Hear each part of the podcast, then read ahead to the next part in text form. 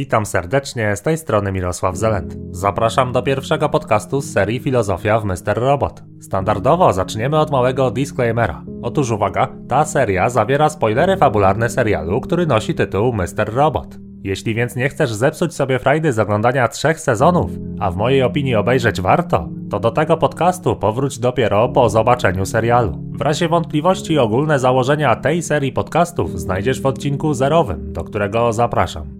A teraz przejdźmy już do dzisiejszego podcastu. W odcinku drugim serialu Elliot poznaje niejakiego Fernando Vere, dealera narkotykowego, który poprzez Sheile pośrednio sprzedaje Elliotowi Suboxon, lek stosowany u osób z uzależnieniem od narkotyków. Środek, którym Elliot łagodzi objawy własnego uzależnienia od morfiny.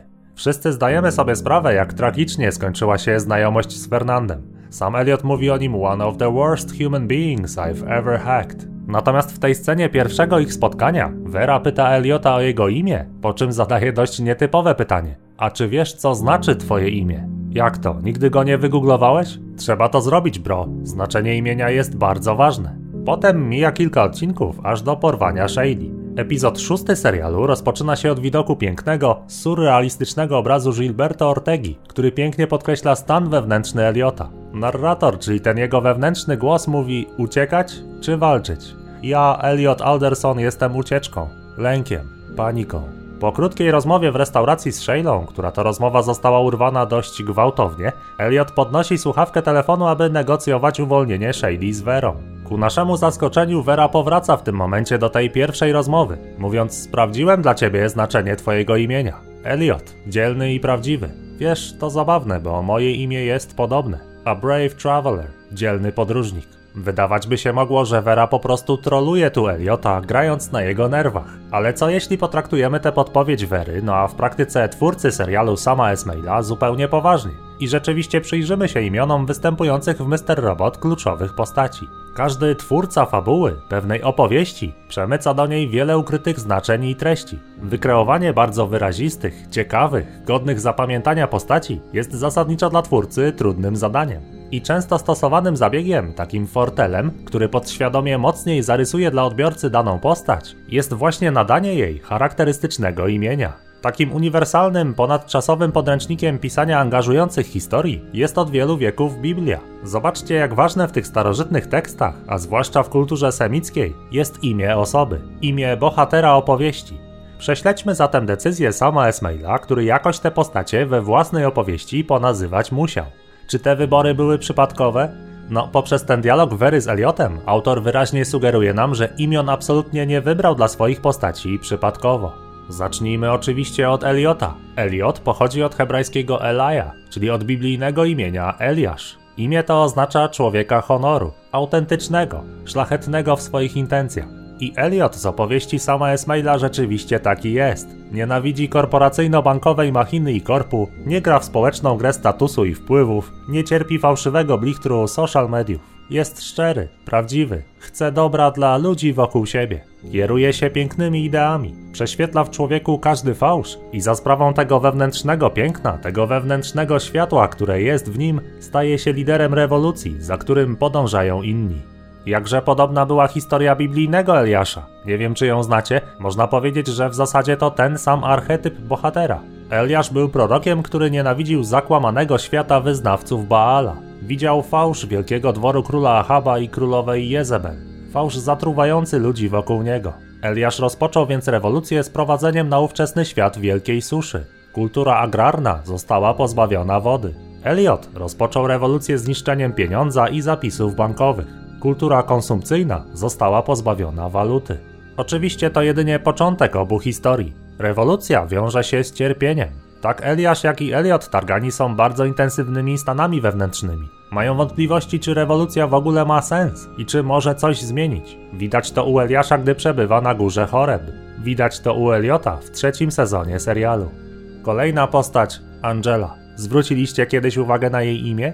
Jest nieprzypadkowe. Angel, czyli anioł. Nawet aparycja tej postaci jest taka anielska. Długie, białe włosy, okrągła twarz, w pierwszych odcinkach bardzo często jasna odzież. Kiedy w pilocie serialu Elliot przedstawia nam Angelę, mówi Trust me, she's one of the good ones. Angela to postać, która przechodzi pewną metamorfozę. Na początku jest to osoba bardzo niewinna, wręcz momentami naiwna. Przypomnijmy sobie chociażby tę scenę, gdy podczas biegania Angela oddaje portfel facetowi, który ukradł go wcześniej innej kobiecie. Przypomnijmy sobie, jak wierzyła w związek z Olim, podczas gdy ten regularnie ją zdradzał. Pamiętamy jej niewinność podczas spotkania w Allsafe z Terym Colbin, jak i w relacjach z Gideonem, Eliotem i Darlene.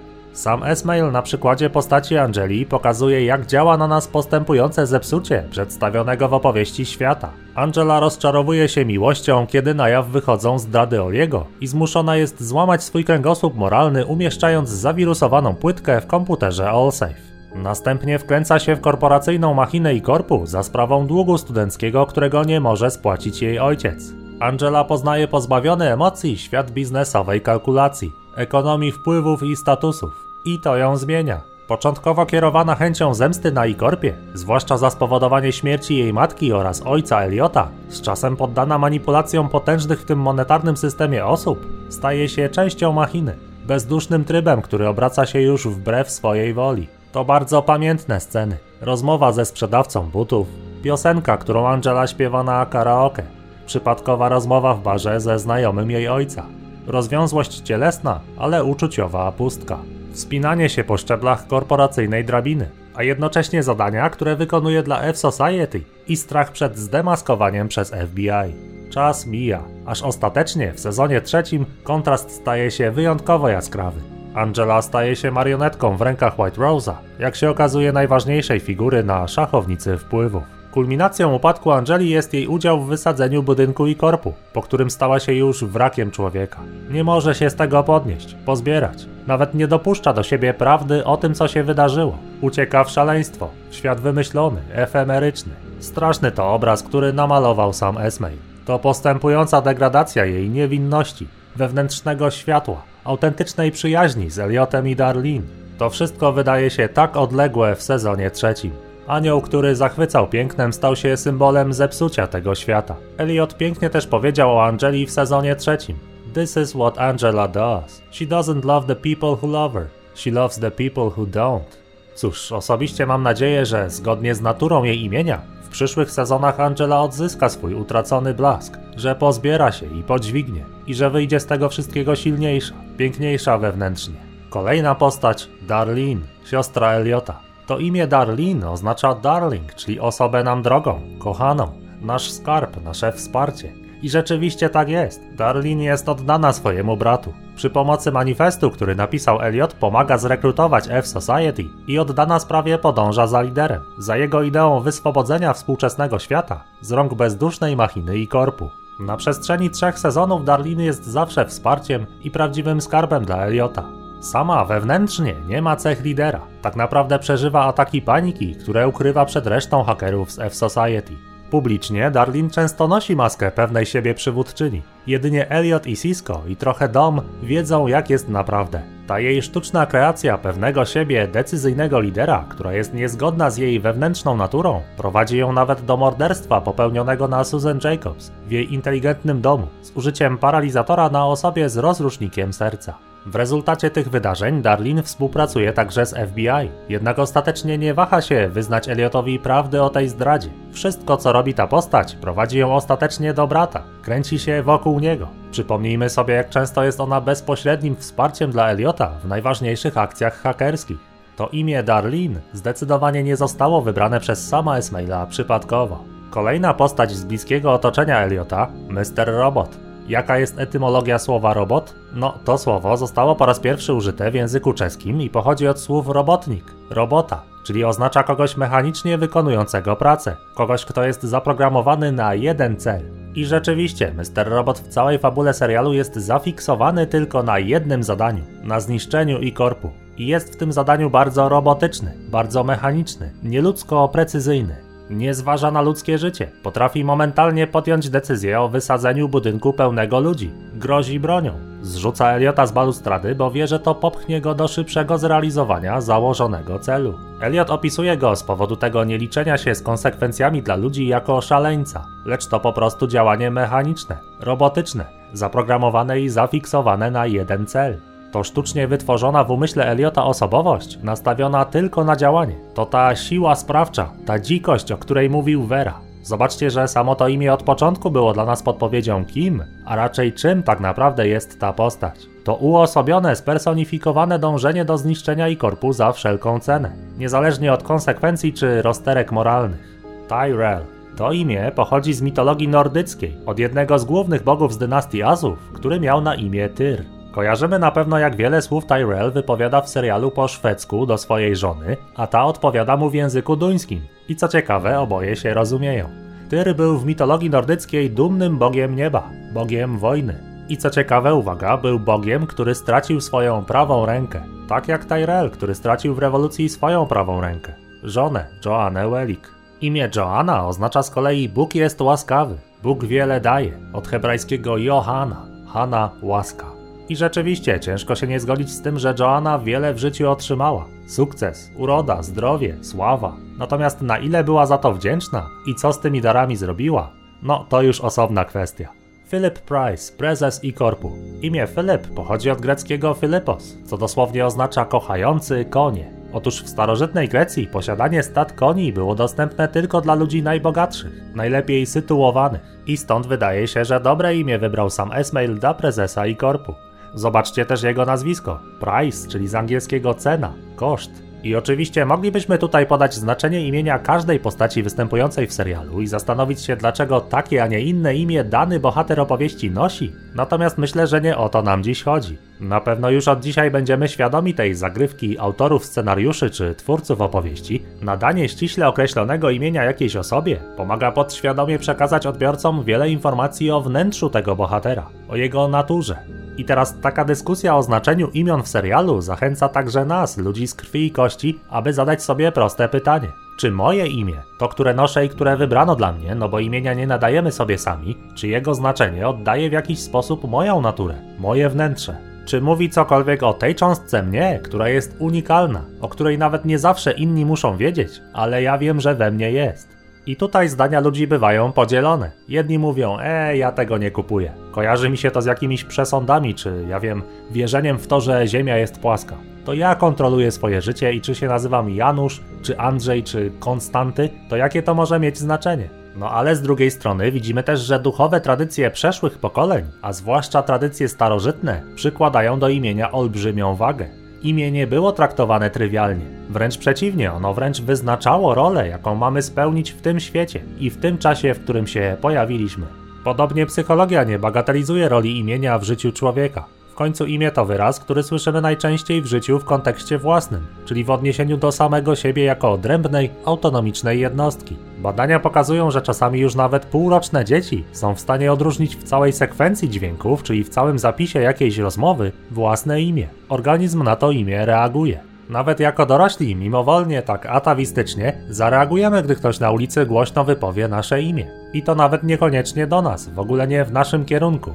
Jest to zresztą słynny problem szpiegów, którzy w pracy mogą przyjmować cudzą tożsamość. Badania dowodzą także, że imiona, ich brzmienie, wydźwięk oraz przede wszystkim skojarzenia z nimi związane mogą mieć wpływ na domyślną reakcję innych wobec konkretnej osoby, która to dane imię nosi. Oczywiście jest to bardzo subiektywne, a także subtelne i nie sposób wprowadzać tutaj uogólnień. Nasze skojarzenia zależą przecież od naszych przeżytych doświadczeń, a także od grona osób, które znamy. Słyszy się też często historie biograficzne ludzi, którzy nie negują pewnych pierwiastków duchowych czy tych czynników behawioralnych w swoim życiu i rzeczywiście twierdzą, że imię, które noszą, ma w ich życiu znaczenie. I żeby nie być gołosłownym, posłuchajmy fragmentu wypowiedzi kobiety i faceta, dla równowagi po jednym przykładzie. Najpierw fragment wywiadu z Martyną Wojciechowską, znana postać show biznesu, podróżnik, osoba, która przeżyła ciężki wypadek. Link do całej rozmowy znajdziecie w opisie tego filmu. No i chciałem powiedzieć, moim gościem jest Martyna Wojciechowska, ale muszę o to zapytać w dowodzie. Masz Martyna czy Marta? Marta. Marta. Marta. I cały czas zastanawiam się, wiesz, może na przykład na 45 urodziny albo 50 jakoś, jak będzie tak równo, to ja sobie w końcu to imię zmienię. Chociaż yy, swoją drogą kiedyś prześledziłam w ogóle jaka jest geneza i skąd pochodzi imię Marta i Martyna. Mhm. Bo ja to imię, ja go nie wybrałam, ono wybrało mnie. To imię do mnie przyszło mhm. i tak naprawdę ludzie sami zaczęli do mnie mówić Martyna, kiedy byłam małą dziewczynką i nie znosiłam tego. Wydawało mi się, że taka twarda wersja imienia Marta. Podczas kiedy imię Marta pochodzi z języka aramejskiego i oznacza piastunkę ogniska domowego. Proszę. Właśnie. Imię Martyna pochodzi podobnie jak imię Marcin od Marsa, czyli od Boga wojny. No więc tak oto z piasunki ogniska domowego zostałam wojowniczką najwyraźniej i naprawdę stało się to samo, tak? Nie miałam w tym żadnego udziału. To nie jest pseudonim artystyczny, po prostu wszyscy tak do mnie mówili. Okej, to teraz Adam Szustak, dominikanin, którego audiobooki bardzo lubię, twórca kanału YouTube o nazwie Langusta na Palmie. W filmie pod tytułem Świadectwo wypowiedział następujące słowa. Posłuchajmy. No i słuchajcie, poszedłem tam i... No i nie jestem w stanie wam opowiedzieć tego, co tam się wydarzyło. Nie umiem tego opowiedzieć. Usiadłem na stołku yy, i oni mnie wzięli w obroty. W sensie zaczęli się ze mną modlić. Yy, trwało to 50 minut chyba. Prawie godzinę. I oni wreszcie powiedzieli mi tysiąc rzeczy tam, modląc się nade mną. Yy, nadali mi nowe imię. Dokładnie tak jak tutaj, słuchajcie, dosłownie. Powiedzieli, że mam zupełnie inne imię niż ja mam. I to w ogóle jest prawda. Yy, pokazali mi historię biblijną, która jest moim imieniem i która jest w tym imieniu zawarta i której w ogóle całe moje życie tak wygląda. Jak ja w tej chwili patrzę na swoje życie, no to po prostu tak się dzieje w ogóle. To jest po prostu opisana ta historia. No więc jak to jest z tym znaczeniem naszego imienia? Jak ty uważasz? Jakie masz zdanie na ten temat? Zachęcam, żebyście w wolnej chwili włączyli się do dyskusji w komentarzach pod tym odcinkiem. Dajcie znać, co na ten temat sądzicie na tym etapie życia, na jakim aktualnie się znajdujecie. Osobiście uważam, że tego typu wnioski można tak naprawdę wyciągnąć dopiero na pewnym etapie życia, w sensie wiekowo, bo kiedy jesteśmy młodzi, to próbujemy przeróżnych rzeczy, także tych, które nie idą w zgodzie z naszą naturą, czasem nawet nie myśląc za dużo o konsekwencjach. Te punkty zwrotne w życiorysie, te kropki można połączyć tylko wstecz, nigdy w przód. Dlatego trzeba tutaj spojrzeć z pewnej perspektywy. Jeśli o mnie chodzi, to daleki jestem od negowania pierwiastków duchowych w tym świecie. I w mojej opinii imię nie jest tylko etykietą, nie jest tylko konwenansem, nic nieznaczącym słowem. W mojej opinii imię ma znaczenie. I w moim przypadku, w moim życiu, faktycznie niesie co nieco informacji o mojej naturze, o tym, kim jestem wewnętrznie. I nie opowiem tutaj o wielu osobistych wymiarach tego znaczenia, bo nie sądzę, aby kogoś to specjalnie obchodziło, a dwa, że nie lubię się publicznie uzewnętrzniać, natomiast mogę powiedzieć w kontekście zawodowym, w sensie czym się w życiu zajmuję.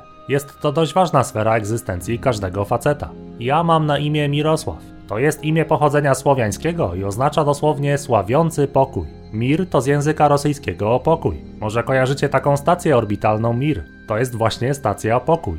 No i Mirosław to jest ten, który sławi pokój. Analogicznie jak w imieniu Sławomir, no tylko frazy przestawiono. I teraz w swoim zawodowym życiu miałem też taki okres, w którym bardzo poświęcałem się rywalizacji. Mówiłem o tym wielokrotnie. Kiedyś nawet opisałem to w wywiadzie dla serwisu marketingibiznes.pl. I skoro tam już to opisałem, to po prostu przeczytam wam fragment tamtej rozmowy. Mm, w szkole średniej i na studiach wiele czasu spędzonego w internecie poświęcałem na rywalizację. Grywałem w szachy, strategiczne gry komputerowe StarCraft Quake oraz pokera w odmianie Heads Up No Limit Hold'em. Forma gry nie ma tu jednak znaczenia. Celem rozgrywki każdorazowo było zdominować przeciwnika. Pokerzyści mają zgrabne określenie sytuacji, w której gładko niszczą rywali. Mówią That day I was crushing souls. Osobiście miałem dosyć tego miażdżenia dusz. Rozpoznałem wewnętrznie, iż to nie jest moją misją. Czułem się z tym niekomfortowo, jak Jonasz na pokładzie statku, który płynie w niewłaściwym kierunku. Wolę budować, dostarczać realnej pomocy ludziom, pokazywać im jak wiele można zdziałać bardzo prostymi środkami. Dlatego robię to, co robię w internecie. A że od podjęcia decyzji do pierwszego uploadu minęły prawie dwa lata, to już moja w cudzysłowie zasługa. No, taki fragment dłuższej rozmowy. Gdyby ktoś chciał przeczytać całość, to wrzucę wam linka w opisie filmu. Natomiast to, co opisałem w tym fragmencie, rzeczywiście miało miejsce. Jakkolwiek pokochałem pewien reżim pracy, to ciągłe ulepszanie swojej gry, wyciąganie nauki z porażek, no słowem pracę nad swoim skillem w danej grze, to jednak wewnętrznie nie pasowało mi, że cała ta wykonana praca tak naprawdę ostatecznie służy mi do zniszczenia rywala w grze, pokonania człowieka po drugiej stronie. W praktyce, w pokerze, po prostu do odebrania mu wszystkich żetonów. I nie mówię tutaj, że rywalizacja, czy to w grach, czy sportowa, czy jakakolwiek inna jest zła. Nie, chodzi mi o to, że we mnie, wewnętrznie, to nie rezonowało, nie dawało prawdziwej satysfakcji.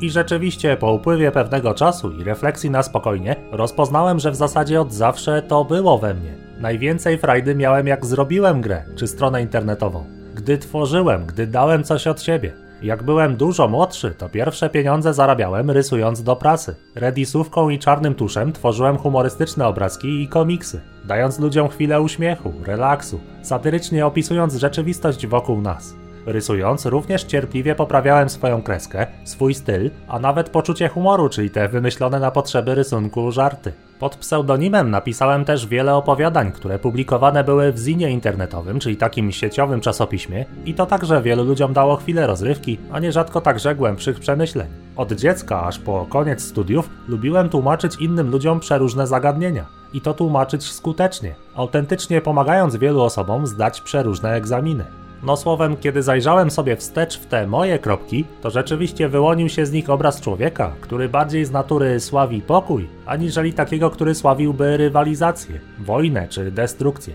Bycie twórcą dużo bardziej leży w mojej naturze. Mam z tego większą zawodową satysfakcję. Więc w moim przypadku znaczenie imienia rzeczywiście się sprawdza. A jak jest u Was? Napiszcie proszę w komentarzach. No nic, mnie pozostaje już zakończyć pierwszą rozkminę z serialem Mr. Robot. Chcę Wam także w tym miejscu gorąco podziękować za cały feedback, który pozostawiliście w komentarzach pod odcinkiem zerowym, gdzie opisywaliście Wasze zapamiętane z serialu, ulubione, ikoniczne sceny. Swoją drogą ilość i różnorodność tych momentów pięknie udowadnia, jak klimatycznym serialem jest Mr. Robot. Jestem też niezmiernie ciekawy Waszych komentarzy pod tym dzisiejszym podcastem. No nic, dzięki za poświęcony czas i do usłyszenia w kolejnych produkcjach. Pozdrawiam serdecznie.